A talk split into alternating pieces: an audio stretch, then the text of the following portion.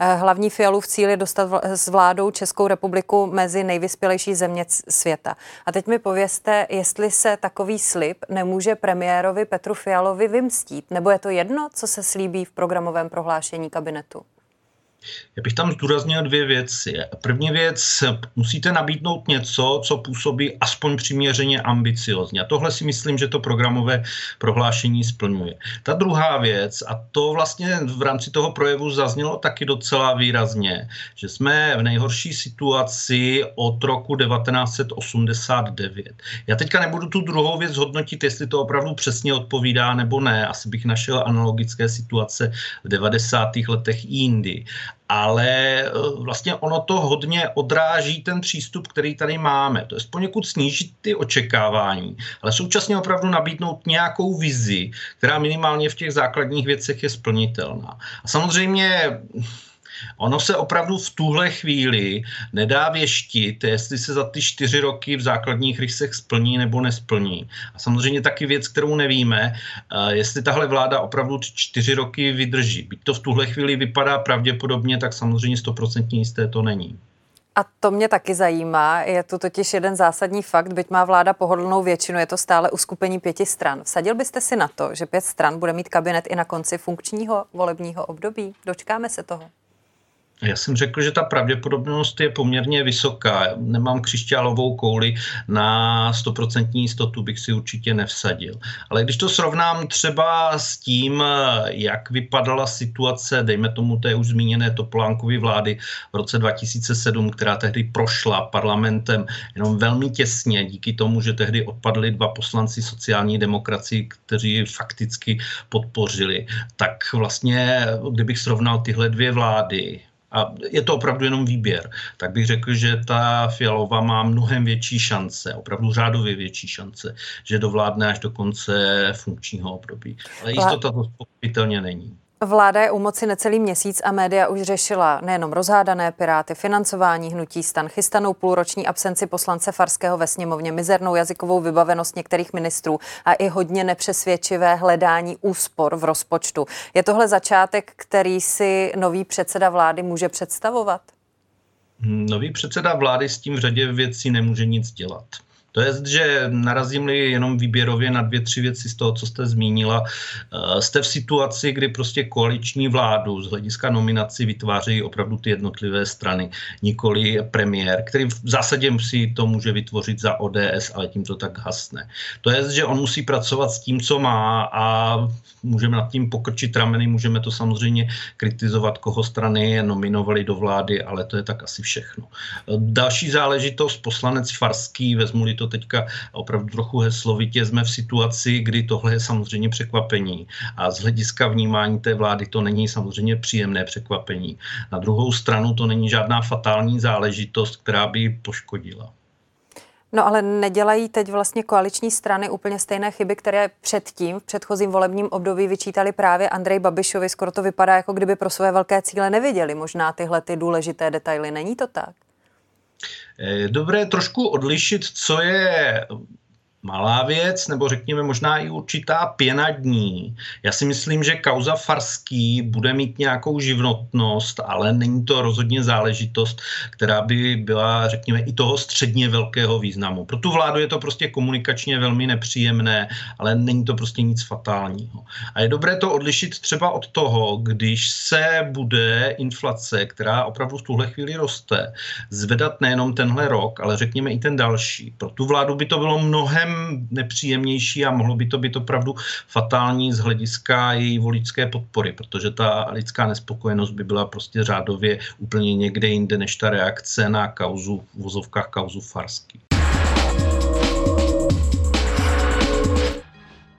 A stíhají ony společnosti, které právě vyvíjí nebo uspůsobují vakcínu uh, novým, uh, novým variantám. Stíhají vůbec to tempo, jakým se koronavirus přetváří a kdy vznikají nové a nové varianty? Eh, no, tak nestíháme, pochopitelně, ale to je zase bezprecedentní situace. Já jsem se koukal dneska, se množství lidí, kteří se za jeden den nakazí, přiblížilo třem milionům to je číslo, které jsme nikdy jako v historii země nezažili. Takhle masivní šíření v jeden okamžik. tomu prostě nemůže žádná technologie stačit. No. To znamená, že teď eh, ještě více zvyšuje svůj náskok koronavirus před námi? No, eh, je to takový věčný souboj. Jenom abychom si uvědomili, to, že nemáme vakcínu přímo proti té variantě Omikron, neznamená, že by ty vakcíny předcházející nefungovaly dost dobře.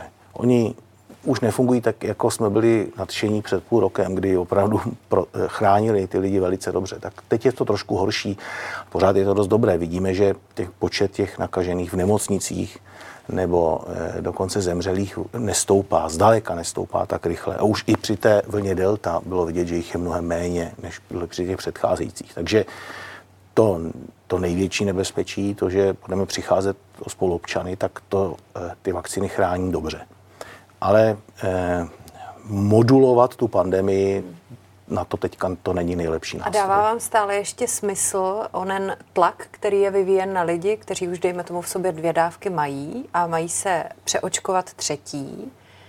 To, to pořád je ještě v platnosti vzhledem k tomu, jakým způsobem se celá pandemie vyvíjí? Naopak, teď je to to nejdůležitější. Kdybychom měli o 20% víc lidí po třetí dávce, tak by ta vlna, která teďka nám tady za týden přijde, tak byla mnohem nižší. To, tak to je. Eh, musíme si uvědomit, že eh, to očkování je přece jenom individuální záležitost z hlediska toho člověka, ale ta nemoc jako taková je mnohem víc prostě sociální, protože právě tím, že si to lidé předávají, je to infekční choroba, tak eh, to, jak se chová ta pandemie, ne ta nemoc člověku, a ta pandemie jako celek, to je výslednicí všech vlivů, která ty lidi dělají. Takže každý kousek platí. Nosit roušky pomůže, nezachrání nás, ale pomůže očkování pomůže. Nechodit do velkých davů taky pomůže. A když to bude dělat méně lidí, bude situace lepší. Když eh, na to rezignujeme, tak ta situace bude horší. Jsou tady ještě země, které šly ještě dál. Izrael se vydal cestou podávání už čtvrtých dávek vakcíny. Evropská léková agentura ale upozornila, že časté podávání posilujících dávek může imunitu spíše oslabit. Kterou cestou byste se vydal vy? Tak třeba vakcínu proti chřipce používáme každý rok. Asi Ale tady jsou přece jenom ty intervaly Tady jsou ty kratší. intervaly kratší a e, vlastně já nevím zatím o případu, kdyby se takhle krátké intervaly dělaly. Většinou ta vakcinační schémata mají ten charakter, že na začátku je to těsně po sobě a pak třeba takové ty běžné vakcíny, které všichni máme, tak máte po měsíci, pak po půl roce, pak třeba v pěti letech, v deseti další dávku, takže více dávkové vakcíny je normální situace. Ale takhle krátké, to je nová věc a uvidíme. No. Já si tedy úplně nemyslím, že imunita jako taková se tím přímo oslabuje. A je pravda ale, že když ty vakcíny budeme dostávat příliš často za sebou, tak pravděpodobně jejich efekt nebude moc velký. A potom ten benefit a cena eh, už nemusí být tak výhodná. Takhle obří malba vznikala na střeše opuštěné budovy na Českolipsku. První otázka, která mě napadá, když vidím, kolik je eh, zatím práce. Proč? Protože mě to baví. Asi je v tom vlastně nic jiného hledat nejde. Já jsem se chtěl pobavit, chtěl jsem pobavit se s kamarádema a chtěl jsem pobavit lidi, kteří to třeba náhodou najdou na Google Maps. To byl vlastně asi jako primární cíl. Jo. A to se splnilo. Máte odezvy takové, že to máte pocit, že jste, že jste pobavil ostatní a pobavil jste zároveň i sebe. Vás to bavilo evidentně. Rozhodně, rozhodně. Vlastně jsem pobavil hlavně sebe a to, že to pobavilo někoho dalšího, je jenom bonus. A opravdu to projíždí internetem až překvapivě hodně. Těch ohlasů je fakt, fakt spousta. Vy jste obraz nazval modlitba. Vystihuje to ale právě tenhle ten obrázek ve vašem eh, vidění se nahá slečna, modlí? Popravdě jsem nejdřív nevěděl, jak to nazvat. Mm-hmm. Jo, ten, ten název jako vzniknul tak, abych vůbec k příspěvku na Facebooku mohl něco napsat, takže to bylo celkem jako spontánní. Ve chvíli, kdy vlastně v této pozici slečna je, tak klečí, dívá se nahoru, tak mě to připomínalo modlení. Jo. K čemu se modlí? V tuhle chvíli, jelikož je pod nebem, tak asi k Pánu Bohu. uh, Když jsme mluvili o tom, že tohleto dílo můžete najít na Google, Google Maps, Google Earth, Mm-hmm. To byl záměr od začátku. S tím jo, jste do toho já šel. Jsem, já jsem s tím počítal. Já jsem s tím počítal, sice jsem to počítal trochu jinak, protože my jsme měli určitou zprávu, že se budou aktualizovat mapy. Měly to být teda Google mapy, měly to být uh, mapy od seznamu, ale nakonec s neuvěřitelnou náhodou se stalo to, že opravdu po domalování tak do dvou týdnů se udělala tahle fotka, která teda vyšla až, až, až někdy před týdnem. To znamená, jak dlouho jste čekali, než se to opravdu objevilo a vy jste se na to mohl podívat? Vlastně od, kon, od začátku června až, mm-hmm. až do teď. No. Tak to jste dílo popsali. Největší ilegal street art v České republice. Na začátku jsem zmiňovala 600 metrů čtverečních plochy, 80 litrů barvy, dva dny usilovné práce. Tak mi prosím řekněte, co to všechno obnášelo, jak dlouho jste se na to museli připravovat, abyste tedy potom uh, mohli vystavit tohleto dílo všem. Uh, já bych jenom doplnil, aby, aby se nestala nějaká miskomunikace, jo, protože to, že je to největší malba, no vlastně ilegální malba, tak uh, není úplně ověřená informace. Já jsem, roz, já jsem, já jsem uh, se zeptal pár jako kamarádů, který jako o tom street artu a graffiti vůbec kultuře vědí trochu víc. A ty mě to nevyvrátili, jo, ale rozhodně to potvrzený nemám. jestli, jestli někdo v Čechách udělal něco většího, je to klidně možný. Jo. Kolik času sežrala vaše proměna v Ivana Jonáka? Eh, tahle ta první proměna, eh, ta, vlastně to nalepení té ovce, co mám na hlavě, tak to trvalo zhruba 45-50 minut. No. Takže vlastně rychlovka docela. No tak ono s tím letím mým ksichtem obtloustlým, jako se tam nebylo vlastně co líčit moc. A pardon, no. ovce to je to jako... To je ta věc na hlavě, no, ta, ta trvalá. Dobře, ale pardon, jenom jako no. ta ovce má ještě jako uši dolů vlastně. No to je jedno, jedna velká ovce hnědáno. To je, to je, jako, to je kompletka. No, tady se to na, na, nasadilo, kluci jsou šikovní, pan Martin Valeš jako je velmi, velmi schopný. No. Mimochodem tohle to je... To, je peklo. to, to je... Uh, vy jste byl vlastně jako casting na tuhle postavu, z mého pohledu se povedl absolutně, protože tohle je Ivan Jonák v 90. letech, to jste vy teď. Mm. A za mě, zvlášť k tomu, že ta jedna polovina je trošku jako rozostřená, roz, rozrněná, tak to vypadá úplně stejně. No, je to jako... A zajímavý na tom je, že vy jste přesto musel projít castingem. Jako konkurzem. No, on to úplně jako konkurs nebo casting, jako v tom slova smyslu právě jako nebylo. Na mě volala uh, castingová agentura Mirka Hyžíková, že jsem jako v uším výběru musel jsem podstoupit kamerové zkoušky. Mm-hmm. Ale jako, že bych byl třeba někde mezi 50 jako adeptama na Jonáka, tak to tak úplně nebylo. Jsem si představoval právě, že tam někde ještě bylo 15 dalších jako Ivanů Jonáků potenciální. Je, je, možný, že bylo, ale já o nich nevím. Já jsem akorát dojel na Kavčí hory jakoby na, kam, na kamerové zkoušky. Mm-hmm by proběhly a nějak to takhle dopadlo nakonec. Tak, takhle. Eh, vám v určitý okamžik muselo dojít, protože předpokládám, že jste Ivana Jonáka znal jako tu postavu prostě no, z historie české, že jste mu podobný. No tak když jsem si pak dal na hlavu tu ovci, tak jo. bez ovce? jako bez ovce úplně jako si troufám tvrdit, že mo, jako moc ne, ale tak jako možná tam nějaká podobnost jako je, no.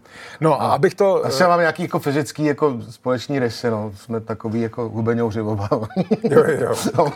Jak lunt. Jak lunt, no, přesně. No, eh, postavu Ivana Jonáka, eh, který byl mimo jiné odsouzený na 18 let vězení za objednání vraždy své manželky. V minulosti hrajete v novém seriálu České televize, který se jmenuje 90, mm-hmm. který mapuje vlastně je na některých známých jako figurách z jiných seriálů detektivních vlastně známé kriminální případy z první poloviny a potom i druhé poloviny 90. Eh, let. A i když ta vaše role je v podstatě epizodní, ano, protože ano. dostala neúplně velký prostor v tom prvním dílu, mám pocit, že o něco větší možná v tom druhém Dejme dílu. Tomu tak eh, vlastně nejvíc reakcí jsem zaznamenal právě na vás, no, na to, jak jste ho stvárnil. Já teda taky a vlastně mi to trošičku trapný, no, protože přece jenom to není seriál Ivan Jonák, ale devadesátky. A jako, mm, no, tak hold asi si spousta lidí toho Jonáka, myslím, že to díky tomu, že spousta lidí si Ivana, Ivana Jonáka pamatuje. A... Pardon, to jste vy nebo no, Ivan? To je jedno.